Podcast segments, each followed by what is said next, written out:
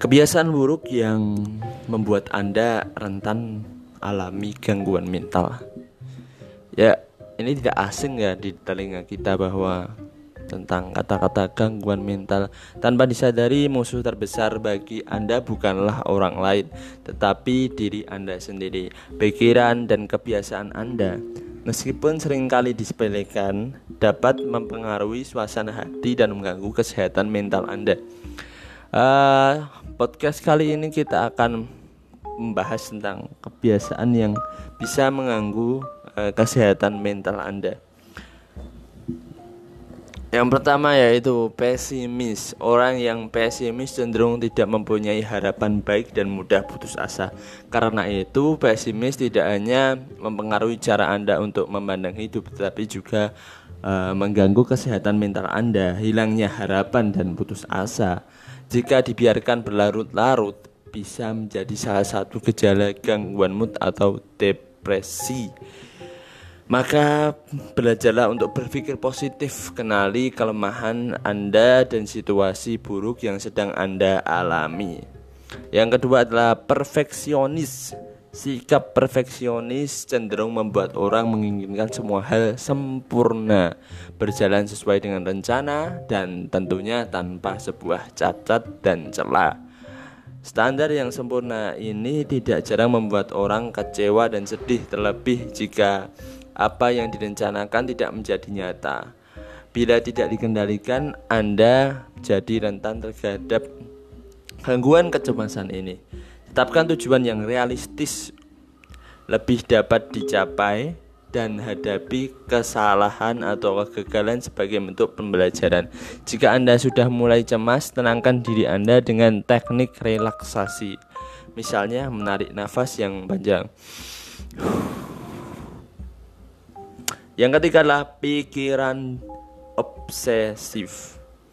Obsesif atau obsesi adalah pikiran negatif yang muncul dan tidak terkendali serta berulang-ulang kali bahkan uh, menjadi sesuatu kejadian yang masa lalu atau yang sedang kita hadapi. Jadi obsesi ini bisa terjadi uh, di masa lalu tentang impian-impian kita atau yang uh, sekarang kita hadapi.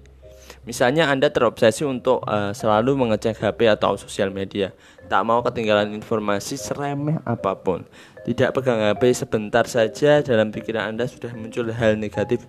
Bagaimana kalau tadi pasangan menelpon karena ada apa-apa? Itu contohnya. Atau jangan-jangan dari tadi ada klien yang menghubungi untuk uh, menjadwalkan meeting penting.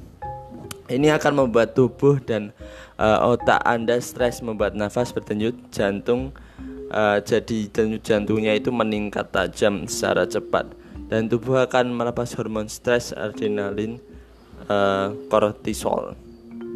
Semua ini akan berdampak pada kesehatan fisik dan emosional Anda. Yang keempat, uh, rendah diri Cara mendaya diri sendiri juga bisa mendukung atau justru mengganggu kesehatan mental Anda. Orang yang cenderung uh, rendah diri, menilai dirinya serba kurang, membandingkan diri dengan orang lain, dan terlalu sering menyalahkan diri sendiri akan mudah stres dan depresi. Yang kelima, kurang tidur. Tidur adalah cara tubuh untuk regenerasi. Karena itu, kurang tidur tidak hanya membuat Anda mudah mengantuk, tapi juga dapat mengancam kinerja tubuh. Ini tentu akan mengganggu kesehatan mental Anda. Sejumlah penelitian telah membuktikan kaitan kurang tidur dengan berbagai jenis gangguan mental seperti depresi, bipolar uh, disorder, and ADHD. Biasakan tidur Anda untuk tidur sehari itu 8 jam. Terus yang keenam yaitu malas bergerak, mager. Studi yang dilakukan oleh para ahli University College London eh, menemukan adanya hubungan antara aktivitas fisik dan depresi. Studi tersebut menyebutkan bahwa orang yang aktif cenderung tidak mengalami depresi karena aktivitas fisik eh, akan menurunkan risiko depresi. Yang ke delapan memendam amarah Jangan salah, memendam amarah juga bisa mengganggu uh, kesehatan mental Anda. Uh, dalam sebuah jurnal Advance tahun 2017, uh, uh, para ahli di Inggris menemukan bahwa orang-orang yang tidak bisa melupakan amarahnya secara sehat lebih rentan mengalami yang namanya depresi. Karena itu belajarlah untuk meluapkan emosi dan mengungkapkan rasa marah, kecewa, perasaan negatif lainnya dengan cara yang baik. Jangan hanya dipendam sendiri, apalagi kalau sampai mengganggu kesehatan mental kita ya. E, berceritalah pada orang lain yang Anda percaya, tuangkan perasaan Anda dalam e, buku harian mungkin contohnya. Jadi itu mungkin yang dapat saya sampaikan tentang e, kebiasaan buruk yang membuat Anda rentan alami gangguan jiwa. Jadi jangan sampai teman-teman uh, mendapatkan gangguan jiwa ini. Tetap stay health stay safe. Uh, kita bertemu di podcast selanjutnya